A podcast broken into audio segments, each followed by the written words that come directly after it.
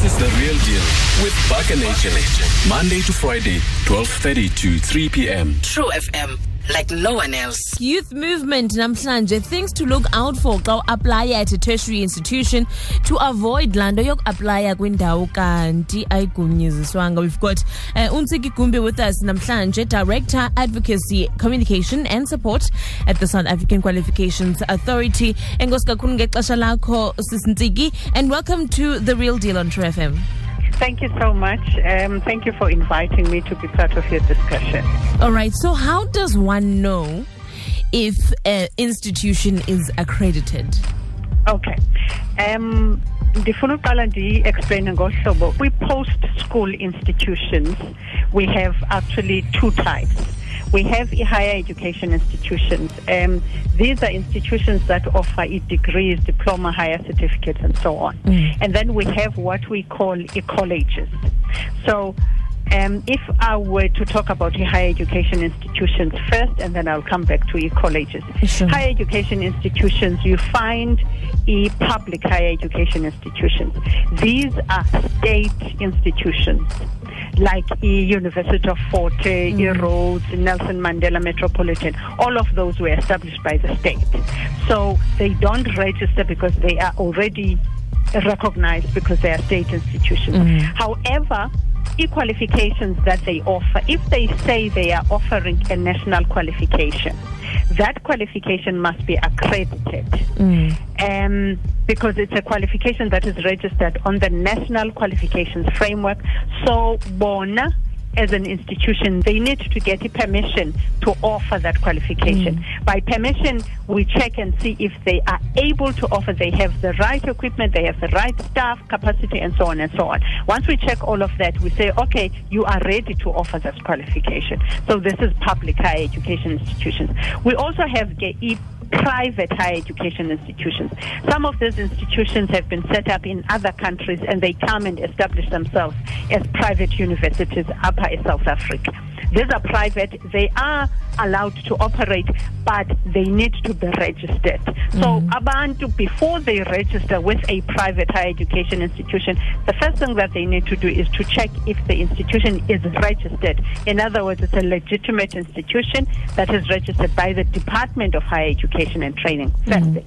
The second thing is that once they have established that, they must also establish uba le qualification ab- abafuna ukuyenza is this institution accredited to offer that qualification? Um, in other words, same as with the public higher education institutions, do they have the permission? Do they have the capacity? And so on and so on. So they need to check those two things if it's a private higher education. But if it's a public higher education, they only need to check uba no institution has it been accredited mm. to offer a qualification. all right. So, w- what are the dangers ke sizinziki ukuba ke ndiye ndaenrola ndarejistarisha kwikholeji that is not accredited to give ezo qualifications ezo ingaba mm. mhlawumbi ndichithe ngemali yam okanye what are the dangers in essence, you have done that because uh, the chances of you getting your money back from that institutions are, are very slim. It's not impossible; they are very slim, and it means that you need to. Um, you know, open a case with the police and, and follow illegal route. That is why we are warning abantu beforehand and say before you register, please ask the questions.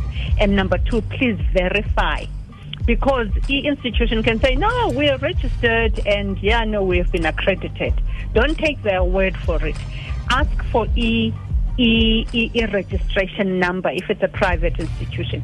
Ask them what is the registration number, and then also ask them for e, e, e, e SAQA qualification ID for the specific qualification. All right. And then you can call um, e, e helpline. E number is zero eight zero mm-hmm. zero. So it's zero eight double zero mm-hmm.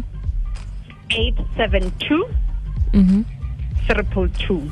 All Because right. I pinned the number zero eight double zero eight seven two triple two.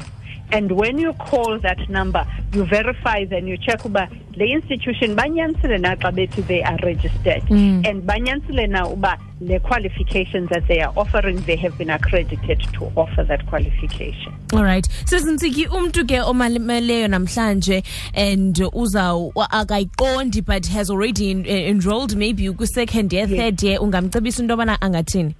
Ndi- ndizamcebisa into yoba makasifowunele just to check that and um, we can advise them on how to take the matter right. further um, so that they can get e-recourse alright sisintsiki Yes. masithembe into yobana ngaba ke eh, at least now we're a bit more empowered and we'll definitely check for ezo SAQA registration numbers zabo sithembe into yobana ngaba ke abantu they're not going to be cheated because everyone wants to be educated and i think abanye abantu ke abaqala ii-businesses nee-colleges mhlawumbi they tend to to take advantage of that so enkosi kakhulu sizintsiki ngokusixwayisa It's, it's only a pleasure, sisters. Thank you for inviting me. Alright, NguNtsiki Gumbi Okay. ke lowo Director Advocacy Communication and Support at the South African Qualifications Authority. sifumane ku-www.truefm.co.za naku-channel 916 on dstv true fm ifumaneka yonke indawo like no one else